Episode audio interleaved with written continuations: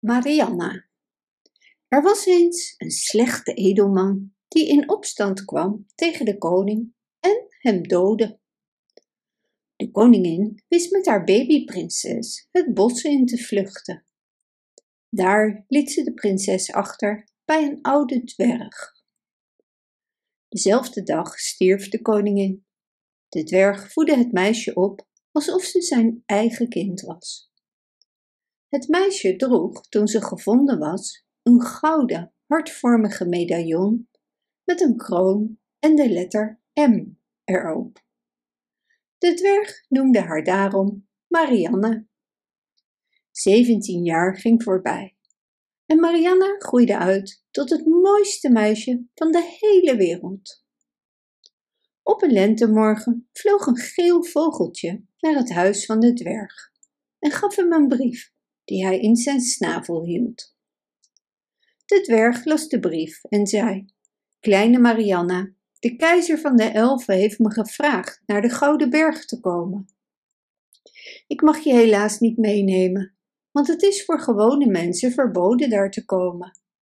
Maar ik kan je ook niet achterlaten in dit verlaten bos. Hierop antwoordde Marianna: Wees niet ongerust, vader. Geef mij je kristallen fles met het water van genezing. Ik zal de wereld ingaan, tot het tijd wordt om weer terug te keren. Ik zou graag willen uitzoeken wie ik ben. Misschien herkent iemand mijn medaillon en kan het me vertellen. Daarna gingen beide elk hun weg. De dwerg koos het pad naar de Gouden Berg. En Marianne ging een willekeurige kant het bos uit. Onderweg genaste de zieke met haar water van genezing. Ze kwam langs vele dorpen en steden, maar niemand kon haar iets vertellen over het medaillon dat ze droeg. Op een dag werd ze onderweg aangeklampt door een arme vrouw. Help ons alsjeblieft, vroeg ze. Mijn dochter is heel erg ziek. Marianna volgde de vrouw en kwam aan bij een armoedig hutje. Daar lag een, op een krakkemikkig bedje een mooi jong boerenmeisje. Ze had koorts. Marianne raakte het meisje aan met het water en ze werd onmiddellijk weer gezond en sterk. Lieve dame, zei het boerenmeisje, ik ben je eeuwig dankbaar. Op de grond zat een klein geel vogeltje. Hij zag er heel verdrietig uit. Ik heb hem gisteren op het pad gevonden. Iemand heeft hem verwond. Zijn vleugel is gebroken, zei de moeder. Marianna pakte de vogel op en raakte de gewonde vleugel aan met het water van genezing.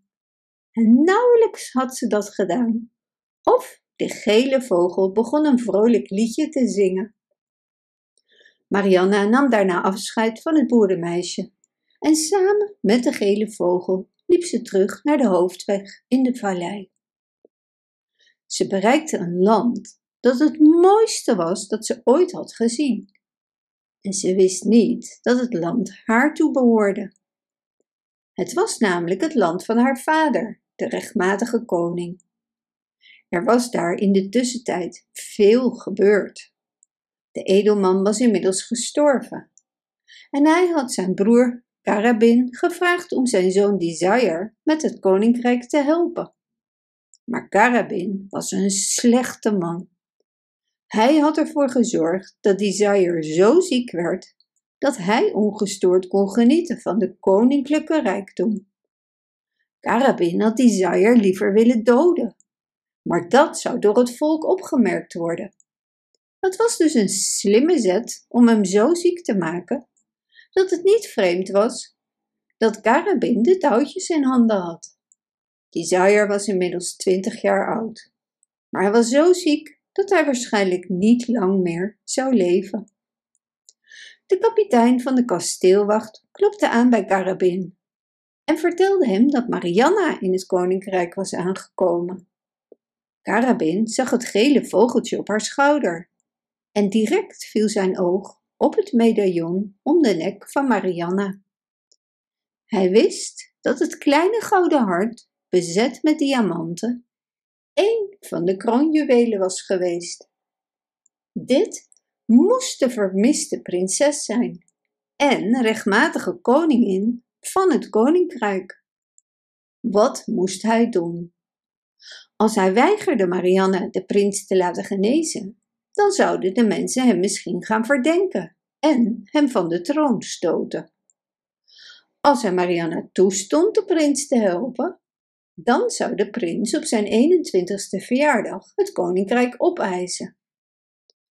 Carabin zocht raad bij de vrede tovenaar, die ook Desire had betoverd.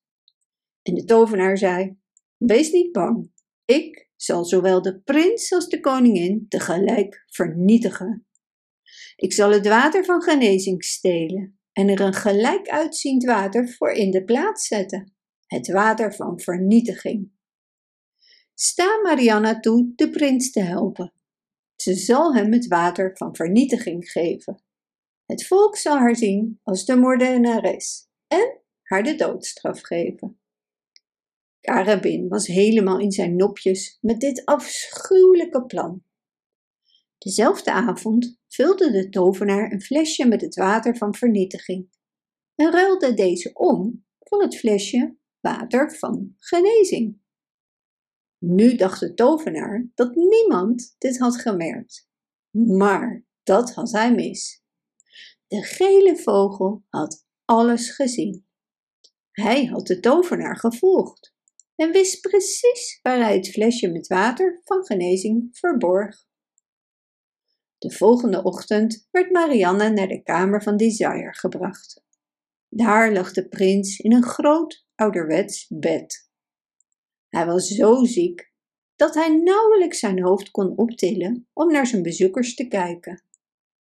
Wel zag hij Marianne en hij werd direct smoor verliefd op haar. Toen Marianna een druppel uit het flesje van genezing over het voorhoofd van de prins wilde laten vallen, begon de gele vogel als een dolle te schreeuwen. Marianna keek naar het flesje, maar merkte niets bijzonders op. De druppel viel op het hoofd en Desire werd krijtbleek en zakte helemaal weg. De toeschouwers begonnen te mompelen en werden onrustig.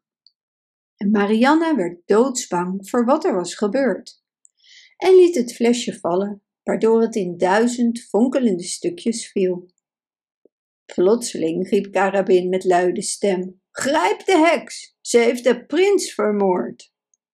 Marianne werd vastgegrepen en weggebracht. En toen de artsen verklaarden dat de prins stervende was, werd Marianne veroordeeld om van een hoge rots de zee in te worden gegooid. De vogel werd naar de keuken gebracht. Hier, draai zijn nek om, zei de kokkin tegen een van de helpers, terwijl ik de kat ga roepen. Gelukkig was de hulp van de kok het boerenmeisje dat Marianne had gered. Ze herkende de vogel en liet hem uit het raam vliegen. De gele vogel vloog naar het raam van de tovenaar en nam het flesje van genezing tussen zijn snavel.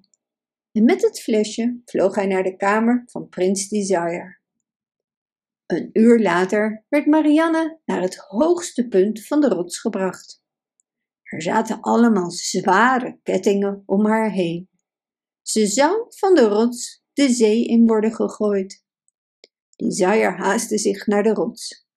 Hij had van de vogel een druppel van het flesje van genezing gekregen en voelde zich zo sterk als een leeuw. Bij de rots aangekomen trok hij zijn zwaard en beval Marianna los te maken. Carabin, die zijn complot zag mislukken, riep: Grijp ze, naar de afgrond met ze, alle twee. En de soldaten waren even helemaal de kluts kwijt. Wat moesten ze nu doen? De bevelen van hun meester uitvoeren of die van de prins? Op het moment dat ze naar de prins en Marianna liepen, kwam er een vlam. De kleine dwerg, Marianna's pleegvader, stond ineens naast de geliefde. Vrede koning, zei de dwerg streng, en jij, slechte trouweloze tovenaar, jullie zullen jullie straf niet ontlopen. De lucht werd zwart, de bliksem sloeg in en er stak een vreselijke windstoot op. De tovenaar en Garabin waren verdwenen. Marianna, zei de dwerg, de keizer van de elfen heeft me je hele geschiedenis verteld. Het is dankzij hem dat ik op tijd terug ben gekeerd. En jij, Marianna, bent de rechtmatige koningin van dit land. Zaaier knielde voor haar neer en zei: Lieve koningin, laat mij de eerste van uw onderdanen zijn om u te groeten. Nee, prins, antwoordde de jonge koningin. Uw vader heeft het koninkrijk veroverd. Als ik u was, zou ik een poging doen het hart van de koningin te veroveren. En dat was natuurlijk een grap, want dat was al lang gebeurd. Marianna was namelijk ook smoorverliefd op zaaier geworden. Ze trouwden en leefden nog lang en gelukkig. En de gele vogel nam na de bruiloft afscheid om vrolijk verder te leven in het land van de elfen. Bedankt voor het luisteren. Wist je dat je dit verhaal ook op onze website ririro.com/nl kunt lezen, downloaden en printen?